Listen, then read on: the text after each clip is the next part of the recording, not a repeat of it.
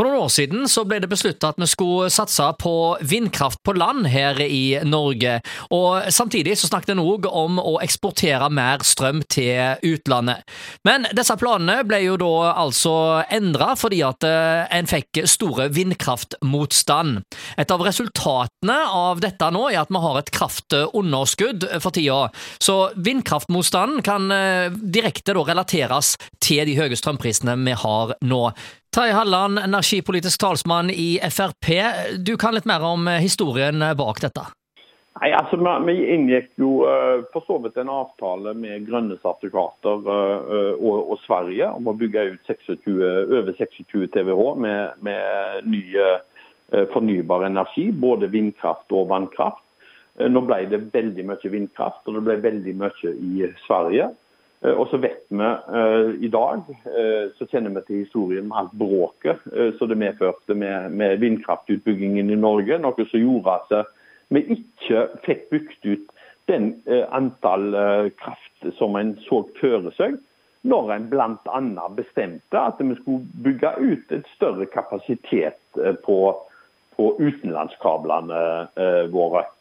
Sånn at når utenlandskablene blir etablert, så har vi ikke den kraften som egentlig var tiltenkt at vi skulle ha.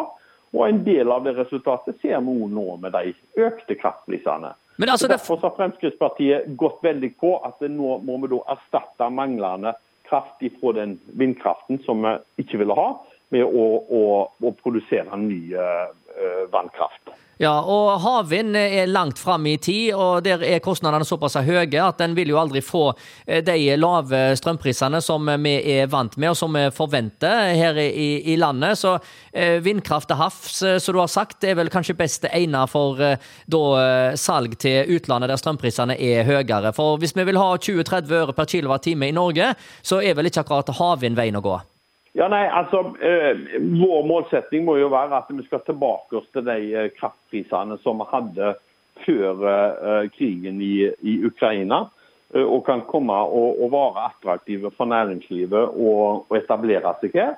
Der vi har rikelig tilgang til fornybar energi og, og rikelig tilgang til rimelig fornybar energi. Så, og Hvis vi da skal klare å få det til, så vil ikke havvind være noe før om eh, mange tiår at de klarer å komme ned i de prisene som man kan produsere eh, vannkraft for i, i Norge. Og, og, og, Det som er, er, jo veldig tragisk i dag, det er jo at vi har en regjering og en næringsminister som springer rundt og, og virkelig ønsker å skape nye arbeidsplasser. Arbeidsplasser som stort sett trenger veldig mye fornybar energi. Og den krafta som vi trenger for å etablere disse fabrikkene som, som han ønsker, ja, den har vi rett og slett ikke. Og Når Fremskrittspartiet kommer med forslag om å, å, å få til ny kraftproduksjon, ja, så står vi helt alene. Det er ingen som støtter oss i det. Og Da henger ikke dette sammen. Vi er nødt til, både for prisene sin del, for å skape verdier og nye arbeidsplasser, så trenger vi mer eh, eh kraftproduksjon.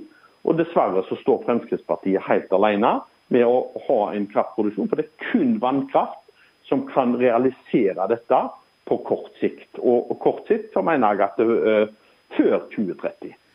Ja, Det sier altså energipolitisk talsmann i Frp, Terje Halleland. Og så er det jo eh, sånn at eh, miljøbevegelsen i Norge vil stanse òg utbyggingen av vannkraft, fordi de mener det er da naturinngrep. Så her har regjeringen en vanskelig kabal å legge.